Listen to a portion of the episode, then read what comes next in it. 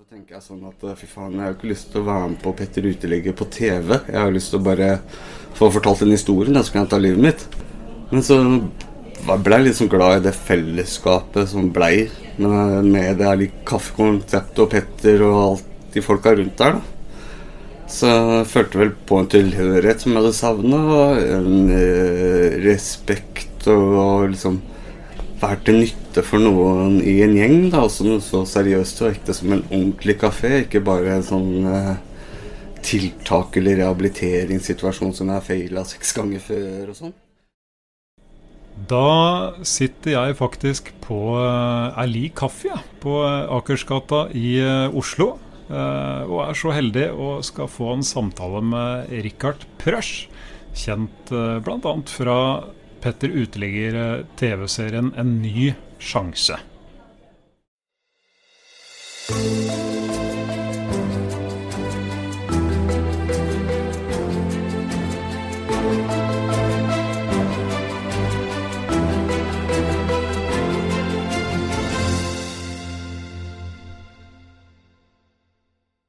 Kort fortalt så um, er jeg født og oppvokst i Porsgrunn i Telemark.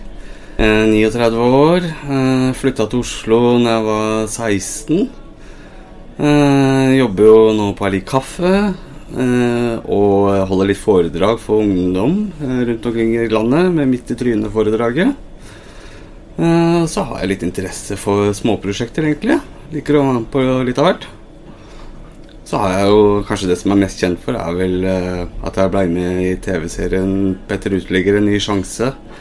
Eh, siden jeg har bakgrunn som narkoman.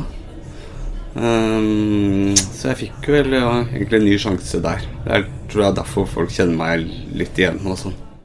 Du, når, du, når du først er inne på denne TV-serien, uh, kan ikke du uh, fortelle, for de som ikke er kjent med serien, eh, fortelle litt om åssen prosjektet starta, eventuelt blei til? Eh, rett og slett ta oss litt med tilbake til begynnelsen.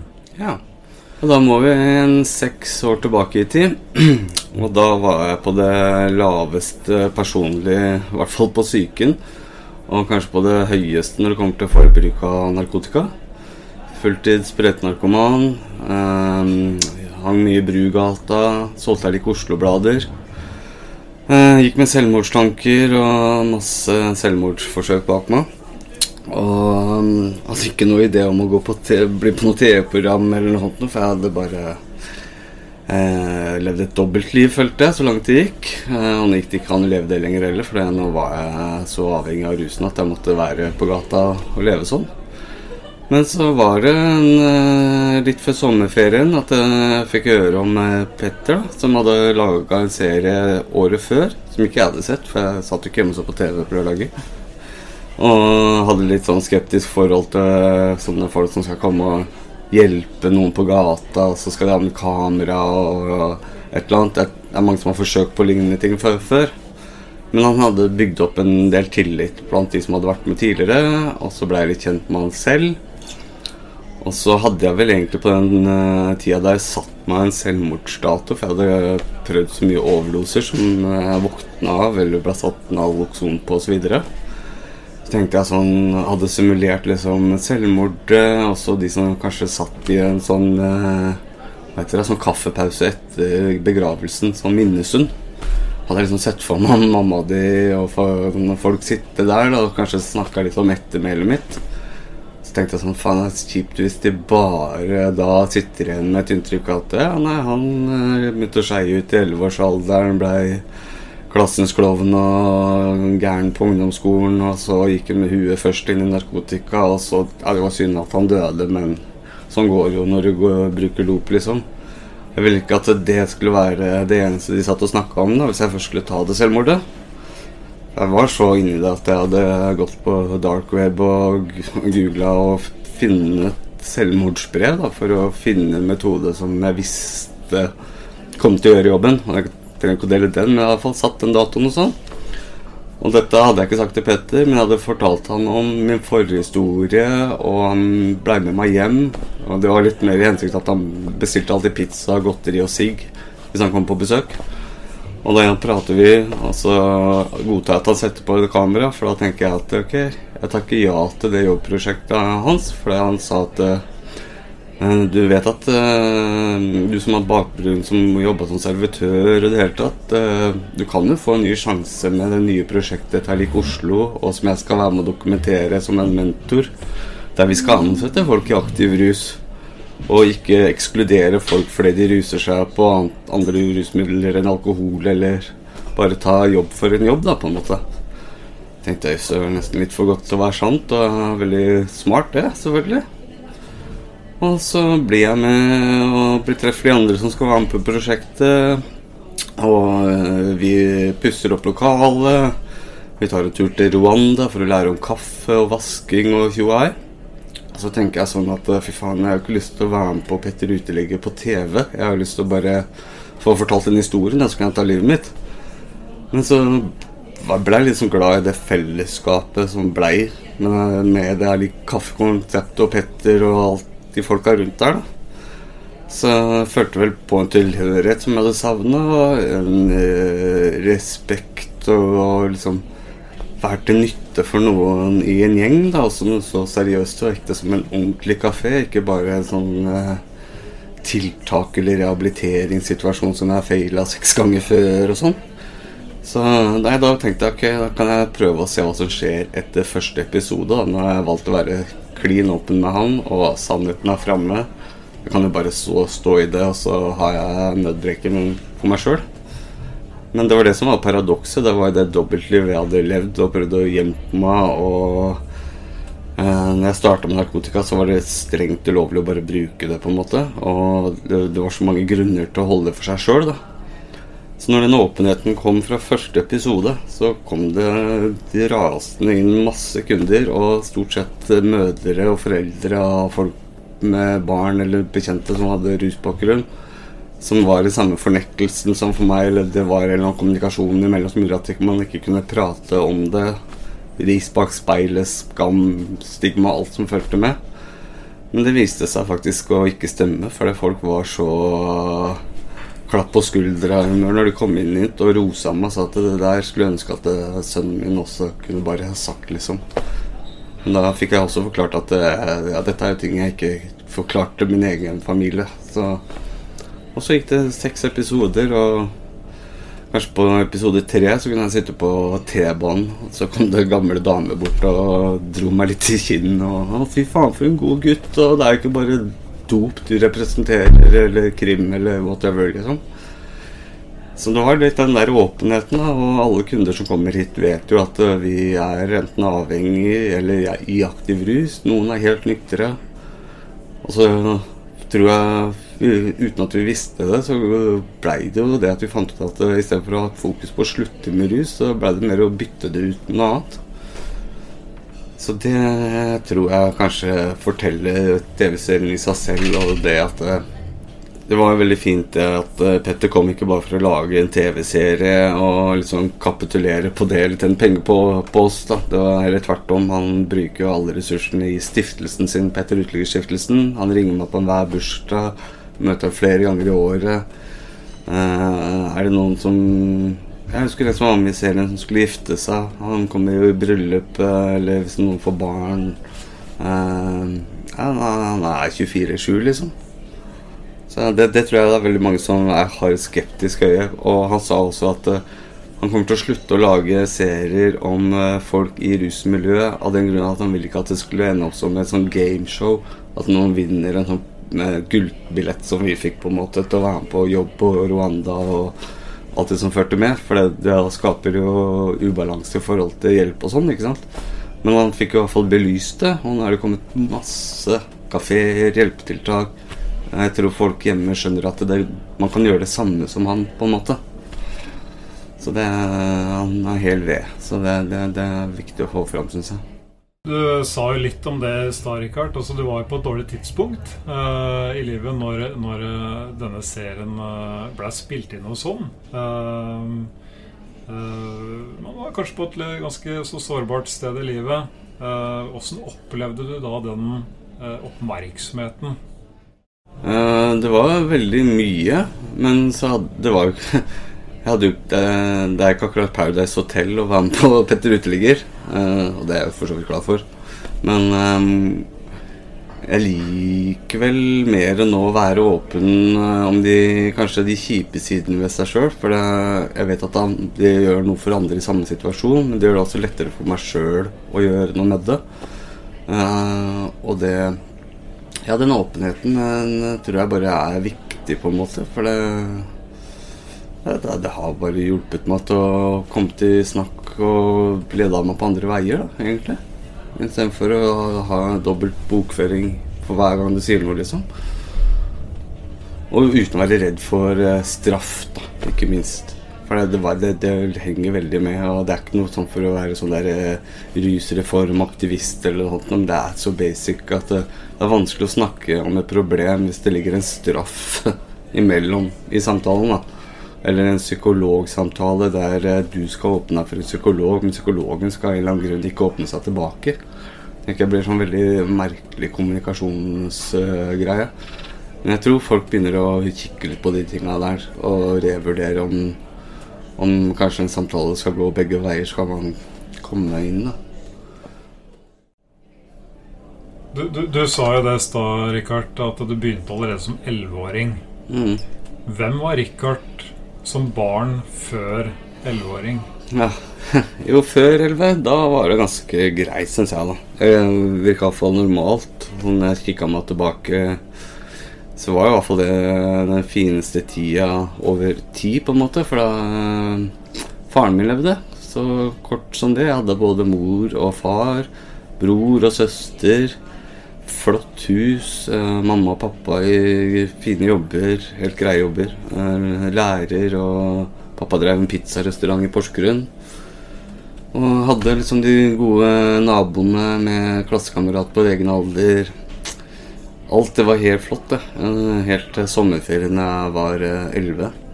Så skulle vi Ja, så hadde Dette er da tilbake på starten av 90-tallet. 92 eller noe.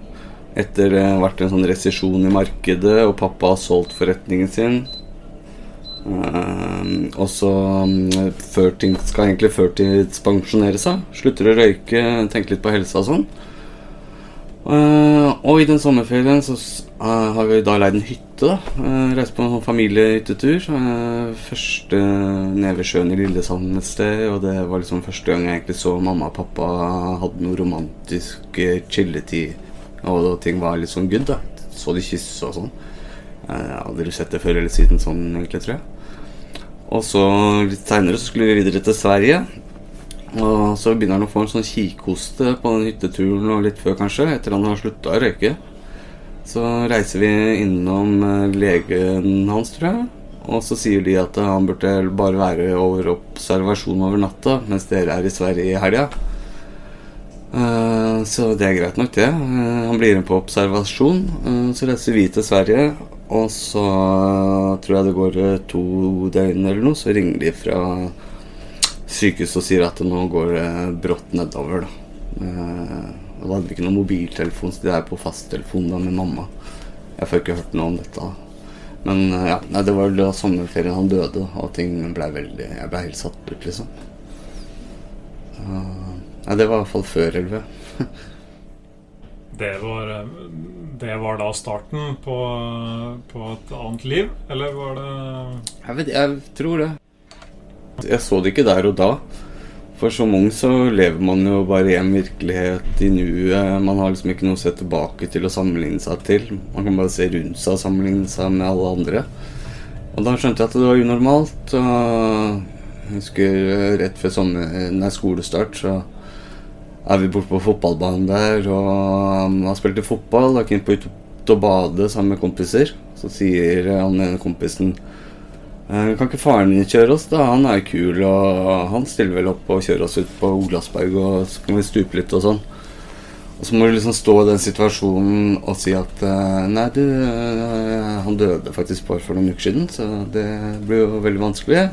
Noe som gir deg sånn vanskelig sårstemme og sånn.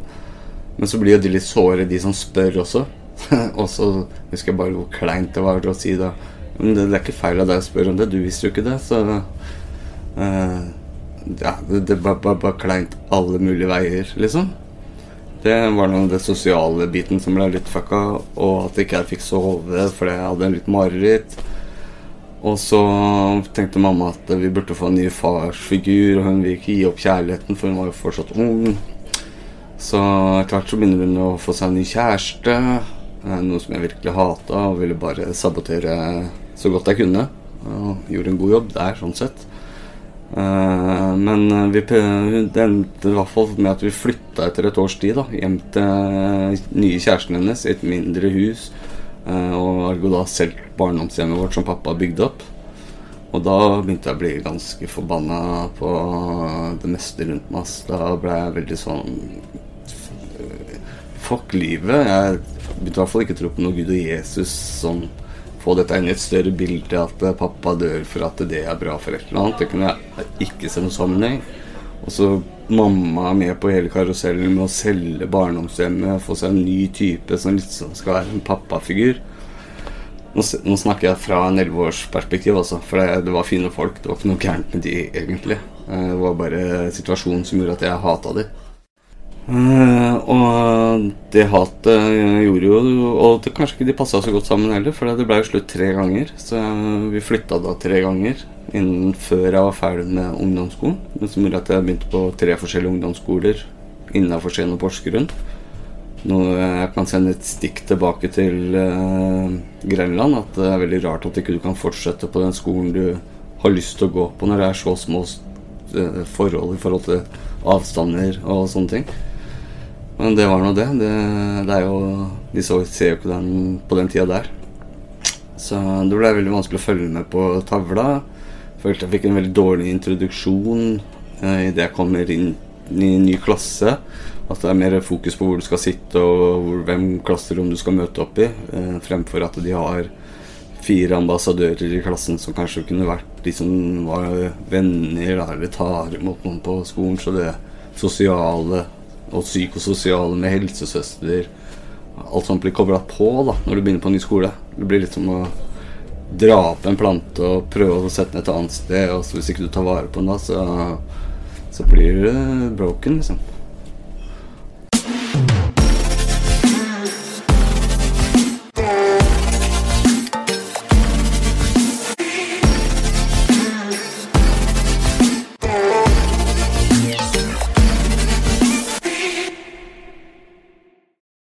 Ja. Eh, nei, jeg er veldig engasjert, da, for jeg har jo så mye venner i rusmiljøet og mye erfaring fra rehabilitering, og som bruker sjøl, da. Misbruker og bruker.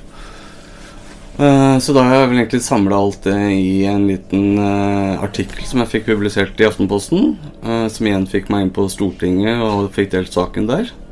Og kort fortalt der så var jo overskriften at kjære politikere, jeg håper dere velger å redde liv.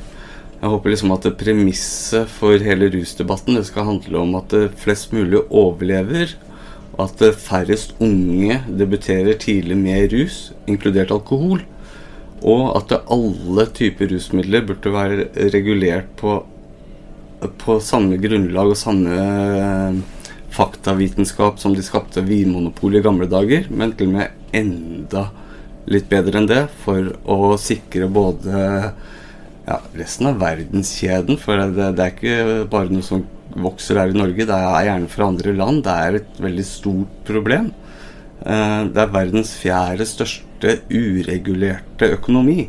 Og jeg sånn, Hvis vi har våpen, vi har olje, kaffe og narkotika Og narkotika tenker vi nei, den lar vi mafia styre.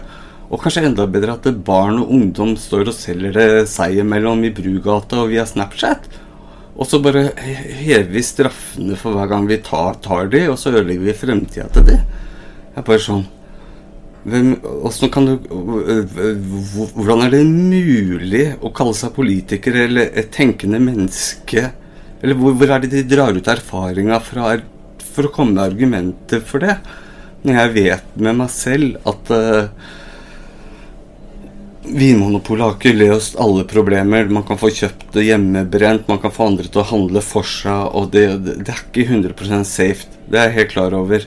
Når det kommer til narkotika, så er vi liksom dårligst i verden. Vi har mest overdoser i forhold til innbyggertall.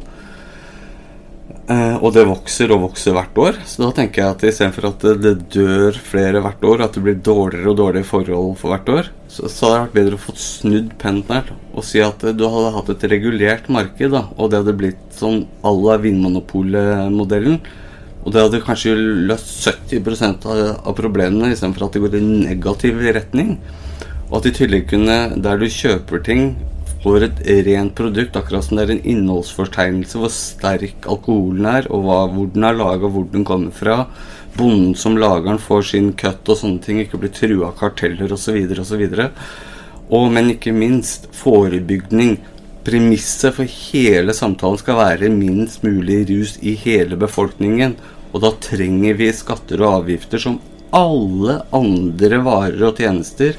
Vi trenger momsen for å lage både flere fritidsaktiviteter, mer informasjon om hvorfor rus er skadelig, eh, steder som er mer lokka enn at du skal eh, ha et åpent rusmarked 24-7, der barn står og selger til barn, eh, osv. Jeg kunne holdt på med dette så langt, for, men jeg lurer på hva politikerne som eh, snakker liksom meg tvert imot. Da. Det er greit at ikke de skjønner alt om dette, men liksom jeg hørte Senterpartiet nå. Jeg begynte nesten å grine, liksom. Så, så, så går det inn på meg, for det, det, de, de, skjønner ikke hvor skadelig det de greiene de sier, er, da. Sorry at jeg blir litt engasjert der. ja. Nå er jo ingen dager like for noen av oss, eh, Rikard. Men sånn generelt, hvordan har du det akkurat i dag? Eh, veldig bra. Eh, og til tider veldig dårlig. Eh, jeg har jo en bipolar lidelse. men det er ikke verre enn at jeg ikke trenger medisiner. Men det, det, det er jo dager der jeg liksom plutselig ikke klarer å svare på telefonen. Stivner litt til, liksom. og kontra det å være veldig engasjert, da. Men det som har vært det mest stabiliserende, tror jeg kanskje at jeg endelig fikk meg en eh, kjæreste. Uh, og feira et år for en uke siden. Så det Jeg har jo gått singel i 15 år eller et eller annet pga. ræva selvtillit og ikke møtt kjæresten i miljøet, for å si det sånn. Og det har vært veldig kult. Hun flytta inn for to måneder siden, så nå kikker vi etter leilighet og sånt. Det er bra. Reise rundt med ungdommen er fint, for da får jeg også eh, snakka om en eh, Det blir som en terapi, da, for jeg får gjentatt det jeg snakker om, og så står det en ungdom og deler tilbake. Og så, ja, nei, så det der å få snakke om de vanskelige tinga skulle bare ønske at jeg gjorde allerede når jeg var elleve. Eller at noen hjelper meg med det, på en måte.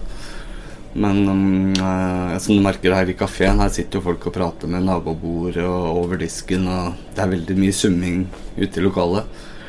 Så um, ja, det er veldig bra, men uh, jeg liker å være med folk som ikke har det så bra. Jeg syns det er gøyere å snakke om uh, først litt vanskelige ting, høre om folk som har vært litt i kjelleren, enn å høre om hva de har prestert, og hvor flinke de er, eller noen suksesshistorier eller sånne ting. Da. Så um, for meg er det like naturlig å gå innom Fontenehuset eller eh, et Nav-tiltak eller Erlig kaffe som å dra på Jeg vet da faen, jeg. På Jeger og feste eller på restaurant eller Latter og standup på Munch-museet, liksom. Jeg liker litt av begge, men at det skal være uh, Alle folk er like i min verden, da, på en måte. Jeg har ikke noe sånn ærbødighet for uh, at eh, noen har vært noe mer enn andre, eller noe. Liksom.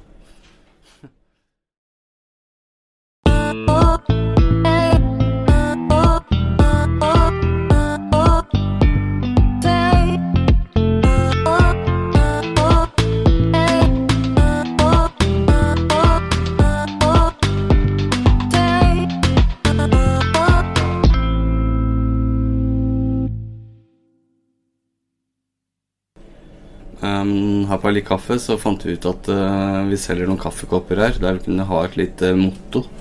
Alle som jobber her, får lov til å skrive et lite quote eller noe som greie. da Og på den tida jeg begynte, så var jo jeg eh, i rus uh, hver dag og sånt. Så da gjorde jeg meg på sånn bibelvers. Uh, for jeg er ikke kristen sånn sett. Ser mye verdier i kristendom, det er ikke det. Men da skrev jeg i hvert fall uh, Led meg ikke inn i fristelse, jeg går helst selv.